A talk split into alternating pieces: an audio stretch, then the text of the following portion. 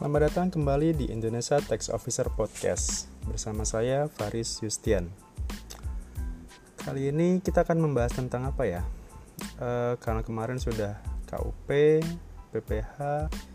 E, rencananya memang podcast ini kita membahas tentang hal-hal yang sifatnya teknik, e, apa? Sifatnya praktis. Jadi saya tidak akan bicara teori, misalkan pengertian dan sebagainya, tapi lebih ke kasus-kasus seperti itu. Jadi misal um, kalau misalkan saya belanja ini kira-kira pajaknya seperti apa?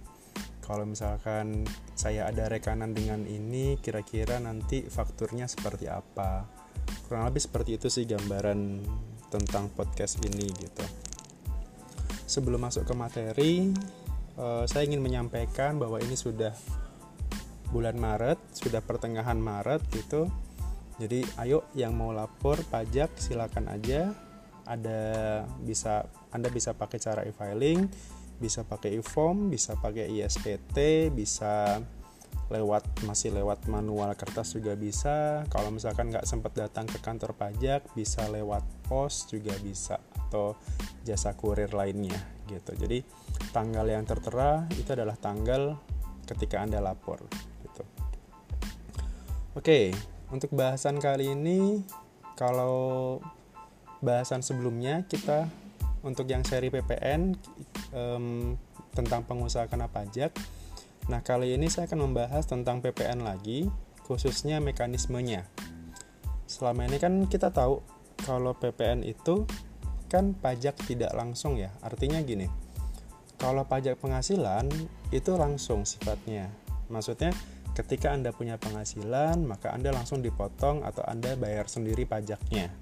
Gitu. Jadi yang punya uang adalah yang sorry, yang punya penghasilan adalah yang yang membayar. Nah, sementara kalau PPN tidak gitu. PPN itu sifatnya tidak langsung. Jadi yang menyetor sama yang memberikan uang itu beda gitu. Uh, ilustrasi sederhananya seperti ini. Misalkan kalau saya membeli sebuah um, parfum misalkan kemudian parfum di situ kena PPN 10%. Misalkan parfumnya harganya 1 juta. Berarti kan kalau saya beli parfum itu yang saya bayarkan adalah 1 juta 100 ribu 1,1 juta.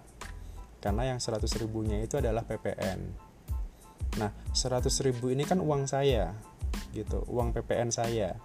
Tapi bukan saya yang setor. Yang setor adalah si penjual gitu. Jadi eh, apa penjual di sini sebagai penyetor sementara yang dipungut adalah dari pembelinya. Jadi pem, apa penjual ini hanya istilahnya hanya dititipkan saja uangnya pak ini uang PPN saya tolong distorkan ke negara. Kurang lebih seperti itu pembahasan tentang pajak tidak langsung. Nah mekanisme PPN sendiri itu ada uh, kita mengenal ada pajak keluaran sama pajak masukan. Nah, um, sebelum bahas ke praktisnya, kita bahas apa? Uh, saya kasih penjelasan sederhana dulu. Kalau pajak keluaran itu artinya kalau kita menjual barang.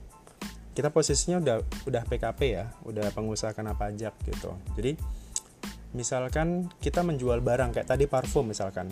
Dari sisi penjual kalau saya menjual barang ini saya menjual parfum ini itu berarti kalau saya mengungut PPN maka PPN itu adalah pajak keluaran bagi saya gitu. Karena saya menjual barang. E, sederhananya keluar itu berarti jual. Nah sementara kalau pajak masukan itu berarti kebalikannya sederhananya beli itu berarti masuk gitu. Jadi dari kalau tadi saya membeli parfum berarti itu kalau saya dapat faktur pajaknya, maka faktur itu adalah pajak masukan saya. Nah, PPN itu mengenal mekanisme pajak keluaran dan pajak masukan atau um, disingkatnya biasanya PKPM, pajak keluaran, pajak masukan. Nah, seperti apa e, caranya? Jadi gini, um, contoh kasus tadi ya misalkan atau jangan parfum deh misalkan gini toko bangunan misalkan. Katakanlah tuan Budi misalkan tuan Budi dia memiliki toko bangunan gede dia udah PKP nih gitu. Nah katakanlah bulan ini bulan Maret ini misalkan dia ada jual semen ke ke developer misalkan. Ke developer katakanlah dia jual 10 sak semen gitu. Total nilainya 10 juta. Nah berarti kan PPN-nya itu sendiri sekitar 1 juta ya. 10 juta kali 10 persen 1 juta. Nah itu berarti kan tadi balik lagi eh, pajak keluaran saya itu satu juta. Dari sisi pembeli dari sisi developer rumah itu adalah pajak masukannya dia tuh nah kita catat nih pajak keluaran satu juta.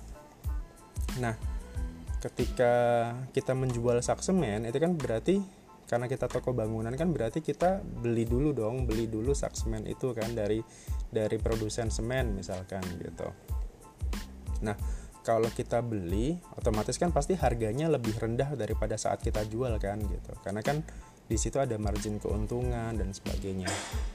Nah misal kalau kita belinya itu 8 juta misalkan waktu itu. Terus selisihnya kan pasti ada ya 8 juta ke 10 juta. Anggap aja itu margin keuntungannya. Nah pada saat beli semen tadi itu kan ada PPN-nya juga. Saya dipungut PPN gitu. Jadi di samping saya memungut PPN saya juga dipungut PPN sama produsen semen tadi gitu dari 8 juta PPN-nya berarti kan 800 ribu. Oke nah tinggal balik lagi ke hitungan tadi. Pajak keluaran saya itu 1 juta. Dari transaksi 10 juta tadi saya menjual semen ke developer. Sementara saya dapat nih beli semen dari produsen uh, saya membeli 8 juta saya dapat fakturnya nilainya 800 ribu. Nah berarti kan PPN yang harus saya bayarkan itu hitungannya adalah 1 juta dikurangi 800 ribu. Gitu. Jadi uh, uang yang dititipkan sama pembeli tadi yang 1 juta itu kan itu kan uang negara ya. Kemudian di sisi lain saya sudah bayar PPN ke produsen 800.000. Jadi berapa PPN saya yang harus bayar yang harus saya bayarkan? Berarti 1 juta dikurangi 800.000. Hasilnya kan 200.000.